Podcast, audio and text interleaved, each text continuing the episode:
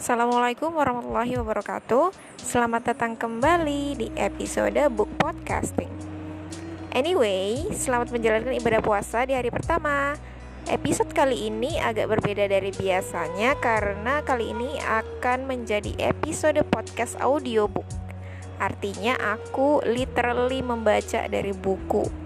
Nah, buku yang akan aku baca adalah berjudul Lentera Kegelapan Sejarah Kehidupan Nabi Muhammad SAW. Buku ini diterbitkan oleh tim Sejarah 2010 Madrasah Hidayatul Muqtadiin Pondok Pesantren Lirboyo, Kediri, Jawa Timur.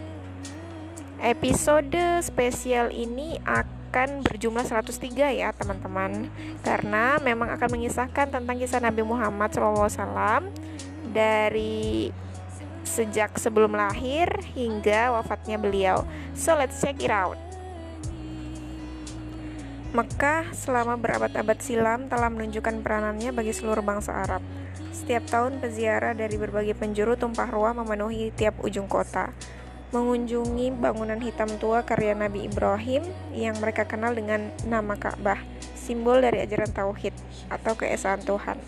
Semenjak pondasi Ka'bah mencengkeram kokoh bumi Mekah, saat itulah ajaran tauhid menelusup jauh ke dalam relung hati penghuni kota itu Berbagai ajaran agama yang dibawa Nabi Ibrahim telah menjadi gaya hidup, bahkan lebih dalam lagi, yaitu menjelma sebagai adat istiadat. Selama beberapa kurun, Mekah berulang kali dipegang oleh berbagai kabilah yang berbeda-beda. Dari waktu ke waktu, ajaran Nabi Ibrahim mulai luntur dan membaur dengan kepercayaan paganisme. Allah masih mereka kenal, tapi telah menjadi Tuhan yang begitu jauh. Keberadaannya seolah hanya simbol karena penduduk Mekah kini banyak memohon pada berhala-berhala di sekitar Ka'bah. Mereka mulai melupakan dari mana dunia ini berasal, bahkan kehidupan setelah kematian tidak lagi mereka percayai. Namun, ketika kota ini jatuh ke tangan klan Quraisy, masih ada segelintir orang yang memegang teguh ajaran Ibrahim. Salah satunya adalah Abdul Muthalib yang kini menjabat sebagai pemuka Quraisy. Sebagai seorang pemuka, Abdul Muthalib mempunyai tugas yang tidak ringan Ketika musim haji tiba, kewajiban utama beliau adalah menyediakan air minum bagi peziarah yang berkunjung ke Baitullah. Ritual ini lebih dikenal dengan sebutan sikoyah. Pada awalnya, Abdul Muthalib dapat memenuhi kebutuhan air dengan sumur-sumur di sekitar Mekah. Sayang, sumur-sumur itu kadang mengering begitu saja di musim-musim tertentu. Jika salah satu sumur mengering, pemandangan miris akan terlihat jelas di dasarnya. Di dasar, tanah kering telah menunggu dengan congkaknya siap menghamburkan debu-debu lembut ketika beradu dengan timba-timba yang diturunkan. Dasar sumur itu seolah tak pernah mengenal air. Satu sisi, meningkatnya peziarah ke Mekah merupakan sebuah keuntungan yang tampak di depan mata. Dengan banyaknya pengunjung, masyarakat Mekah dapat meraup hasil berlipat dari perdagangan yang selama ini menjadi andalan mereka. Tapi di sisi lain, kaum Quraisy juga merasa berat untuk selalu menyediakan kebutuhan air yang makin sulit untuk mendapatkannya. Jelas, jika masyarakat Mekah tidak mampu memenuhi kebutuhan ini, harga diri mereka akan hancur. Mereka akan dianggap gagal memuliakan tamu-tamu Tuhan. Begitulah kenyataan yang dihadapi penghuni kota suci itu beberapa tahun terakhir. Dimanja dengan kekayaan hasil dagangnya sekaligus ditelikung kewajiban begitu beratnya. Hal ini menimbulkan keprihatinan cukup serius bagi Abdul Muthalib. Beliau sadar betul bahwa para peziarah di tahun ke tahun semakin meningkat, sementara sumber air tidak pernah mengalami peningkatan. Mengingat panas dan gersangnya Mekah, air menjadi sebuah kebutuhan yang paling vital. Keberadaan sumber air merupakan barang berharga yang tak kalah berarti dengan tambang emas sekalipun. Satu-satunya sumur yang bisa diandalkan hanyalah Zam-Zam. Sayang, beberapa tahun silam, sumur Zam-Zam telah ditimbun oleh suku Jurhum tanpa meninggalkan bekas sedikit pun. Sementara suku Khuza'ah yang telah berhasil mengusir Jurhum tidak tertarik untuk mencarinya. Sumur anugerah Tuhan itu setengah dilupakan karena mereka telah menggali sumur-sumur lain di sekitar Mekah. Kelangkaan sumber air benar-benar menghantui kaum Quraisy dan menuntut kebijakan Abdul Muthalib untuk mengatasinya. Selama beberapa hari, beliau berpikir untuk mencari jalan keluar hingga membuatnya letih. Salah satu tempat yang paling digemarinya untuk menghilangkan penat adalah Hijar Ismail yang berada di sisi Ka'bah. Suatu malam, ketika beliau merebahkan tubuhnya di tempat tersebut sambil menekuri kenyataan yang sedang dihadapinya, tiba-tiba kedua matanya terpejam. Tak lama kemudian, beliau tersentak oleh sebuah mimpi. Abdul Muthalib merasa telah ditemui seorang laki-laki mengenakan pakaian serba putih dan memerintahkannya untuk menggali At-Taibah, salah satu nama Ka'bah. Mimpi itu beliau ceritakan kepada kaumnya dan mereka tafsirkan sebagai suatu harapan untuk menemukan sumber air. Kaumnya memohon agar beliau kembali tidur di tempat yang sama agar mendapat kejelasan mimpinya. Keesokan harinya, Abdul Muthalib kembali tidur di Hijar Ismail. Selama tiga hari tidur di sana, orang berpakaian serba putih itu selalu menemui beliau dan memberikan perintah untuk menggali sesuatu. Di hari ketiga itulah Abdul Muthalib baru memahami yang dikehendaki oleh lelaki misterius dalam mimpinya. Galilah Zumur Zamzam, sumber air melimpah dan akan mencukupi bagi jamaah haji. Lokasi sumur itu berada di suatu tempat yang banyak kotoran dan darahnya. Di sana akan selalu ada burung gagak yang mematuk-matuk serta menjadi sarang semut. Kini jelas sudah lokasi sumur zam-zam yang selama ini lenyap begitu saja, bagai uang jatuh di tengah jalan. Harapan Abdul Muthalib untuk menyelamatkan muka kaumnya kembali tersulut. Dengan penuh perhatian, beliau menyusuri sekitar Masjidil Haram, serta merta pandangan tertarik pada tempat berdirinya berhala Ishaf dan Na'ilah. Di antara dua berhala sesembahan orang-orang jahiliyah itu ada seekor gagak sedang mematuk kotoran unta yang bercampur darah kering. Kedua matanya juga melihat begitu banyak semut keluar masuk dari sebuah sarang.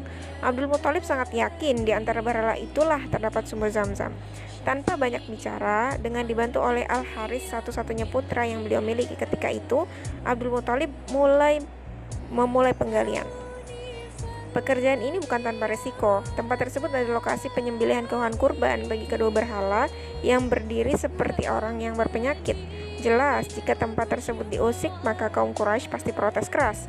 Abdul Muthalib akan dianggap sebagai perusak tempat suci mereka. Namun, semua telah diperhitungkan baik-baik olehnya. Al-Haris diperintahkan untuk melindungi pekerjaannya, sementara beliau menggali tempat tersebut. Baru beberapa kali cangkul berhasil mencabik tanah, suaranya mengundang perhatian beberapa orang yang berada di sekitar Masjidil Haram. Satu persatu penduduk sekitar mulai mendatangi sumber suara.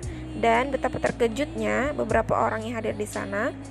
Mereka melihat pemimpin yang sangat berwibawa itu tengah merobek-robek tanah tempat pengorbanan. Berbagai penilaian mulai bermunculan, namun semua mengerucut pada satu kesimpulan bahwa Abdul Muthalib telah berbuat lancang terhadap tempat suci mereka.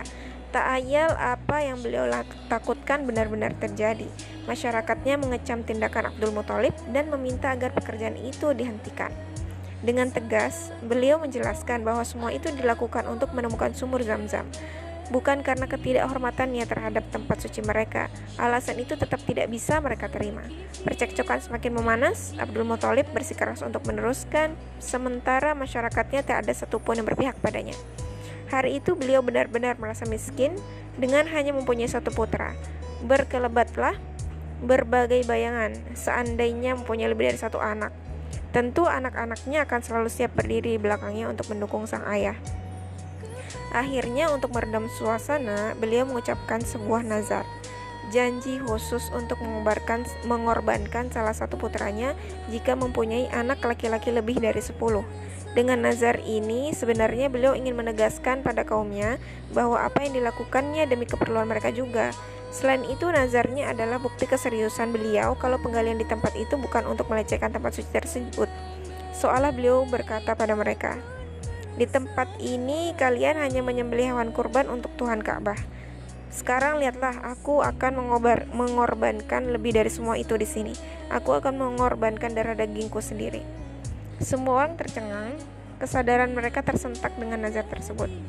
Abdul Muthalib seakan akan membangkitkan kembali cerita leluhur mereka, Nabi Ibrahim alaihissalam. Nazar beliau tak ubahnya janji yang pernah diucapkan Nabi Ibrahim alaihissalam atas Ismail.